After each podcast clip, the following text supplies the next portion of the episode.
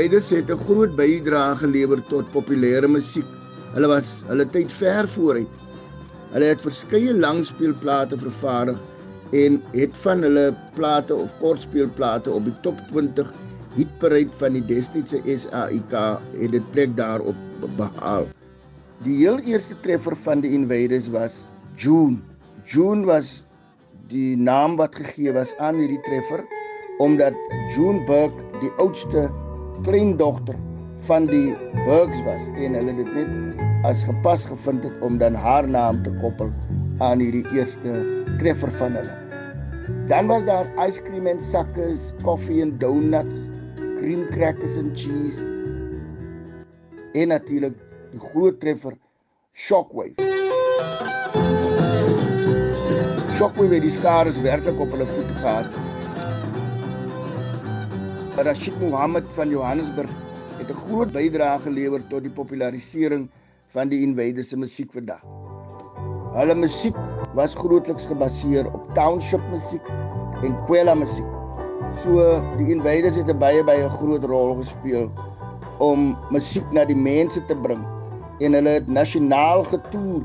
Kleine dorpies besoek soos Oudtshoorn en dis waar ek hulle leer ken het en vir die eerste keer gehoor speel het en dan groot stede. Hulle het destyds opgetree in die destydse Suidwes-Afrika wat nou Namibië is. Hulle het opgetree in in Rhodesië wat nou Zimbabwe is en hulle was oor see in Duitsland en Engeland en van die ander Europese lande. So hulle was 'n groot naam in die 60s en in die 70s. En ehm um, het 'n reuse bydrae gelewer tot vermaak in ons gemeenskappe. En is jammer dat almal nie altyd bewus van hulle was nie en daarom voel ons het die tyd aangebreek dat daar groter fokus geplaas moet word op die musiek van die invaders en die rol wat hulle gespeel het tot die bekendmaking van veral die kwela musiek deur hulle. Die rede ook waarom so baie uh, wit Suid-Afrikaners nie bewus is of was van die invaders se bestaan of van hulle musiek nie was juis as gevolg van die apartheidsbeleid wat optredes deur die invaders en ander swart of bruin groepe verbied het in blanke gemeenskappe of in blanke woonbuurte. Alhoewel hulle in die buiteland bekend was, was hulle nie in hulle eie dorp of in hulle eie land so bekend nie. Dit is byna soos 'n profeet word nie in sy eie land geëer nie. So hulle is en hulle was daar en hulle musiek is vandag nog steeds beskikbaar en ek hoop mense sal dit luister.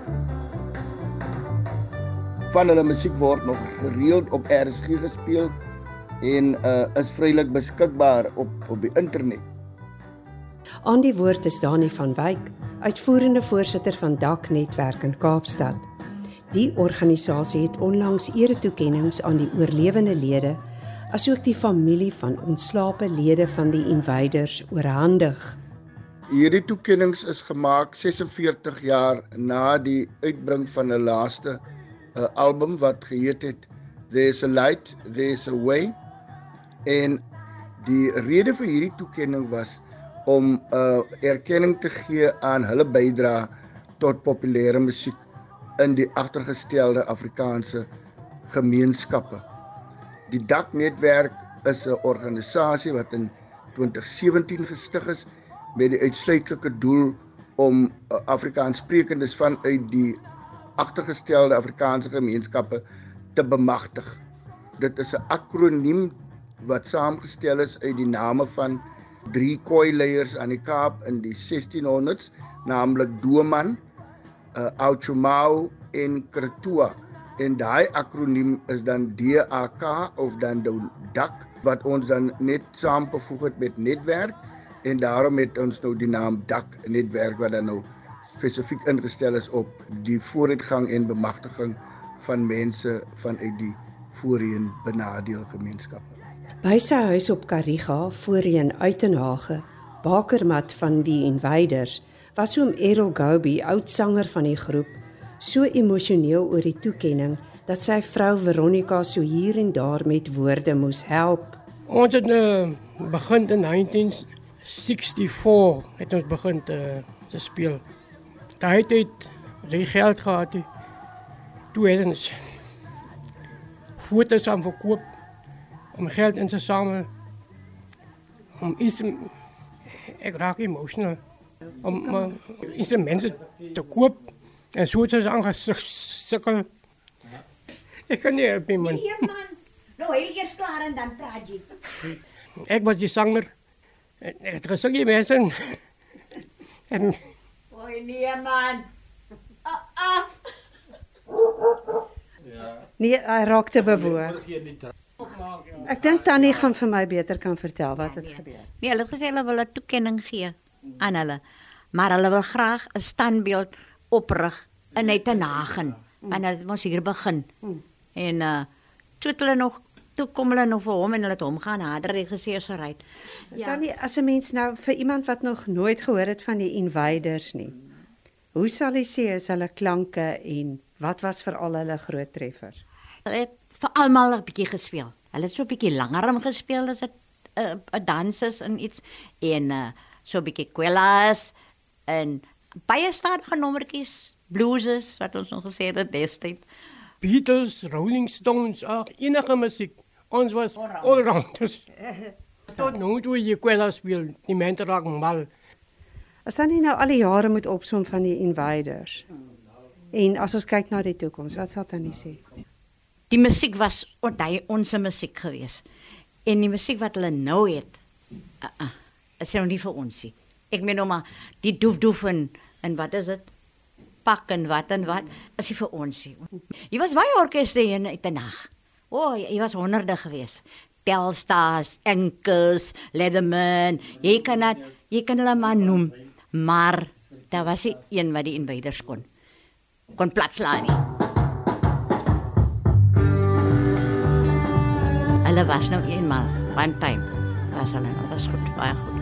En ek ek voel baie trots dat ek 'n man het wat 'n toekenning nog altyd kry en ek die kinders so toe ons nou die foto toe vir my dogter stuur so sê sy "Papa, congratulations." Hulle was baie opgewonde geweest. Dani van Wyk sê die planne vorder ook goed om volgende jaar 'n standbeeld ter ere van die invaders op te rig. Die rede vir die standbeeld is om hierdie groep te vereer en hul bydrae te verewig. Op hierdie wyse sal hulle nie net vereer word in hulle tuisdorp Kariga of uitnaag nie, maar sal hulde aan hulle as 'n Suid-Afrikaanse groep gebring word.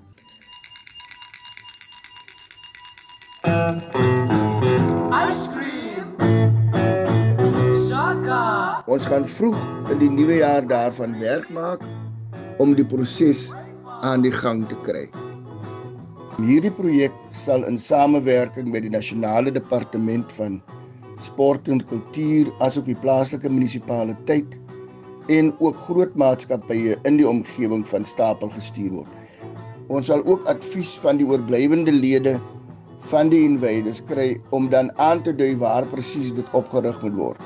Ons beoog om teen volgende jaar Desember die projek afgehandel te hê. Maar hoe het die invaders tot stand gekom? Johnny Burke het 'n 'n optrede van Cliff Richard in the Shadows bygewoon destyds in Port Elizabeth. En dis waar die idee ontstaan het om 'n groep te stig. Ek onthou hulle vertel het hoe hulle geld probeer insamel het om hulle musiekinstrumente te koop is om Christelike prente te raam en dan daai geraamde prente aan mense te verkoop en op hierdie wyse geld ingesamel het om hulle eerste instrumente te koop wat natuurlik in die aard van die saak tweede instrumente was. Maar daarmee het hulle gevorder en het hulle musiek gemaak en ehm um, het hulle uiteindelik die bekendste groep geword in Suid-Afrika saam met nog 'n groep waaroor mense ook op 'n stadium kan praat en dit is die Flames. Maar Invaders was die grootste en ek dink hulle gaan nog vir baie jare in ons gedagtes wees en dit is waarom die daknetwerk betrokke geraak het en erkenning te gee aan hierdie groep musikante en uh, ons hoop om op hierdie wyse ook hulle nalatenskap lewendig te hou. You had better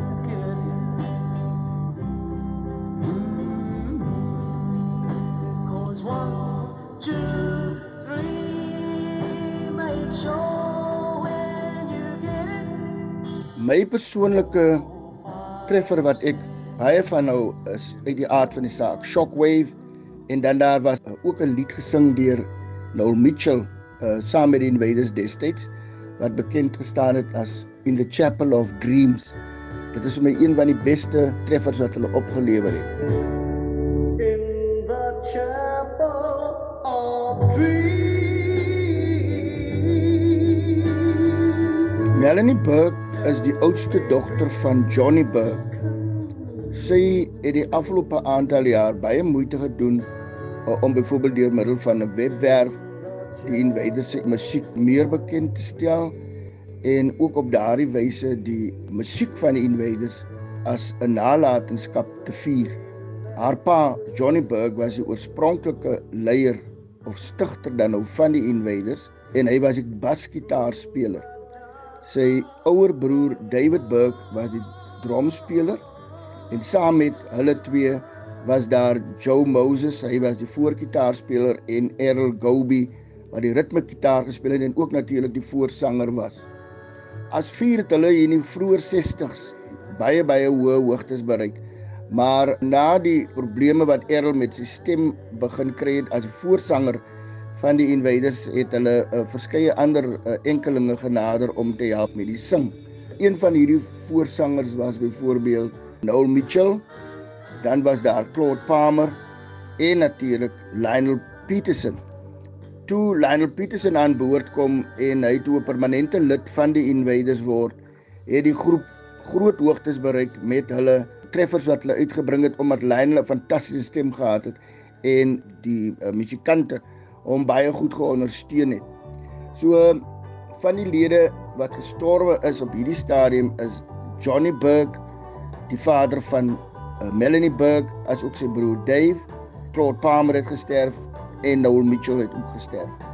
Wat dus die enigste drie oorblywende lewende lede van die Invaders is dus Joe Moses, Errol Gobi en Lionel Peterson. Melanie Burke, dogter van Johnny Burke, die stigterslid van die Invaders, onthou haar grootword jare op Uitenhage. Ek het nie regtig 'n idee gehad van die Invaders en my pa se rol in die groep nie. My kinderdae was gelukkige kinderdae. Wat ek onthou was dat daar gereeld mense by ons was. Daar was altyd 'n gekuierery, 'n gelaggery, 'n geëtery en daar was natuurlik altyd musiek gewees. Ek het eers besef van die impak wat my pa gehad het na sy afsterwe. Mense het altyd vir my vertel hoe hy hulle lewens verander het, wat 'n impak hy gemaak het, die tipe goed wat hy gedoen het, baie opofferings wat hy gemaak het en dan natuurlik hoe hy was met die band. En die storie loop dat hy vir Cliff Richard blykbaar in die Feathermaker Hall gesien optree het en by die huis gekom het en vir my oom gesê asseblief leen net vir hom 'n paar rand, hy wil net vir homself 'n gitaar koop. So my pa het nie eintlik opleiding gehad nie en baie van die mense in die groep het ook nie opleiding gehad nie. Hulle het net begin saam speel en begin musiek maak en aan die einde van die dag was hulle 'n fenominale groep in hulle tyd gewees. So hierdie erkenning van die daknetwerk maak vir my baie trots. Dit maak my hart baie warm. Ek dink dat dit op 'n geleë tyd gekom het want alhoewel die Invaders nou vir meer as 40 jaar nie meer musiek saam maak nie, bestaan hulle musiek nog.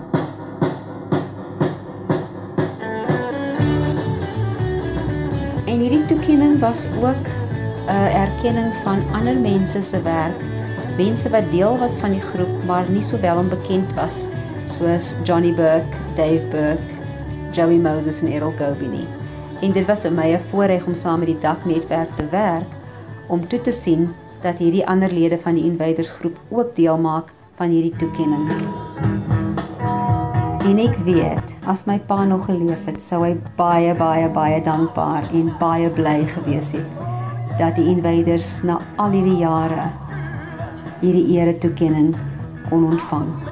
So weer eens namens die Invaders baie baie baie dankie.